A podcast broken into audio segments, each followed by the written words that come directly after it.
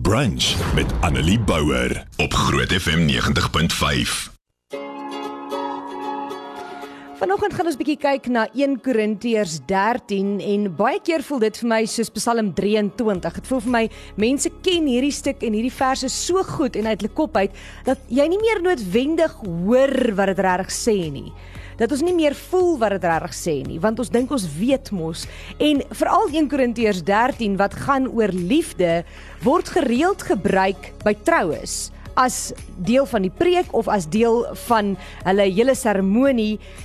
Maar eintlik En ons niks fout daarmee nie, moenie my verkeerd verstaan nie, maar eintlik is 1 Korintiërs 13 nie geskryf vir die liefde tussen 'n man en 'n vrou nie. Alhoewel dit daar ook toegepas kan word. 1 Korintiërs 13 is geskryf vir 'n gemeente. Dis geskryf vir gelowiges, vir Christene, nie noodwendig getroudes of paartjies nie.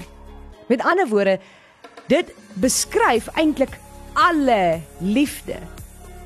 Nou kom ons luister weer so vinnig na 1 Korintiërs 13 en gaan lees gerus die hele 1 Korintiërs want dit is so 'n mooi boek om van die begin af in konteks te sit en hierdie hele te sien hoe dit hier tot by hoofstuk 13 kom waar Paulus dan verduidelik wat hierdie liefde is wat mense moet hê.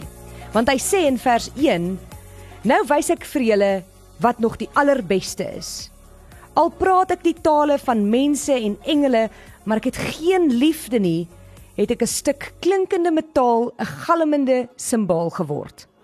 Al het ek die gawe van profeseë en ken ek al die geheimenisse en besit ek al die kennis en al het ek al die geloof om berge te versit, maar ek het geen liefde nie, dan is ek niks. Al deel ek wat ek het aan ander uit en al gee ek my liggaam prys om my daarop te kan beroem, maar ek het geen liefde nie, baat dit my niks. Nou hierdie is altyd vir my so 'n moeilike skokkende stuk eintlik, want dit verduidelik eintlik alle goeie goeders in geloof. Om te sê jy het geloof in God wat berge versit. Om te sê jy die gawe van profeseë, al ken jy al die geheimenisse van die wêreld, al het jy al die kennis, maak nie saak hoe slim jy is nie. Al gee jy alles wat jy het vir ander mense, al gee jy jou lyf en jou lewe vir ander mense, maar jy het nie liefde nie, sê Paulus hier, is dit niks. Dit beteken niks nie. En dan sê hy wat liefde is, hierdie liefde wat jy moet hê saam met al die ander goed. Hy sê die liefde is geduldig. Die liefde is vriendelik. Dit is nie afgunstig nie. Dit is nie grootpraterig nie. Dit is nie verwant nie. Liefde handel nie onwelvoeglik nie. Dit soek nie sy eie belang nie, is nie lig geraak nie en hou nie boek van die kwaad nie. Dit verbly hom nie oor onreg nie, maar verheug hom oor die waarheid. Dit bedek alles, glo alles, hoop alles en verdra alles.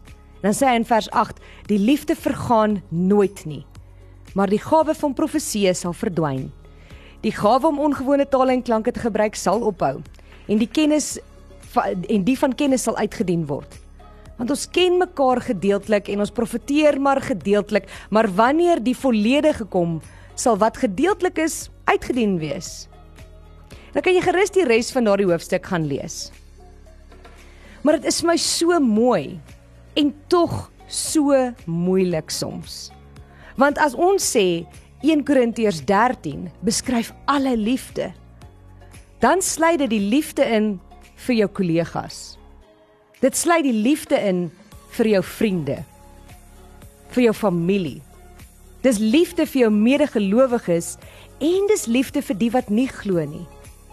Dis ook liefde vir jou vyand. Wat beteken as ons sê dis liefde vir jou vyand, jou kollegas, jou vriende, jou familie, daai liefde moet geduldig wees. Dit moet vriendelik wees. Dit moenie afgunstig wees nie. Dit moenie grootpraterig wees nie. Dit moenie verwaand wees nie daai liefde vir jou vriende, jou familie, jou medegelowiges, jou naaste, die nie gelowiges, jou vyande, daai liefde is nie verwaand nie.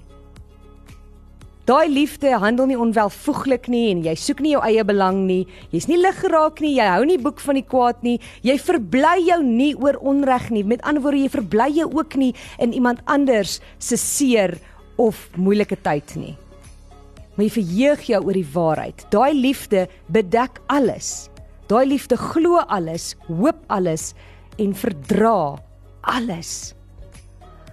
Wat beteken as ons as gelowiges met daardie liefde moet lewe, is dit een van die moeilikste dinge wat ons gaan moet besluit want daai liefde is 'n keuse. Daai liefde vergewe. En daai liefde gee om vir die mense om jou. Daai liefde praat nie agter iemand se rug nie. Daai liefde sê nie ander mense sleg nie. Beklei nie met ander mense nie. Vergewe weer en weer en weer. Want dit gaan nie oor jou nie. En daarom moet jy daai keuse maak en bid vir God om jou te help want dit is menslik onmoontlik om daai liefde self te hê. Sodat jy almal kan hanteer met die liefde van die almagtige God want dit kom van hom af. Selfs al verdien hulle dit nie. Want weet jy wat? Ons verdien dit ook nie. En dis die liefde wat ons van Jesus Christus, God die Vader en die Heilige Gees afkry. So mag jy daai keuse maak om in hierdie week wanneer jy voel jy verfies jou vir iemand of wanneer jy agter iemand se rug wil praat of wanneer jy regtig al maak iemand jou lewe moeilik al tree hulle onregverdig teenoor jou op steeds regverdig teenoor hulle gaan opbly mag jy dan besluit om hulle met God se liefde te hanteer. En mag die Here jou help om dit reg te kry. Annelie Bouwer weekoggend tussen 9 en 12 op Groot FM 90.5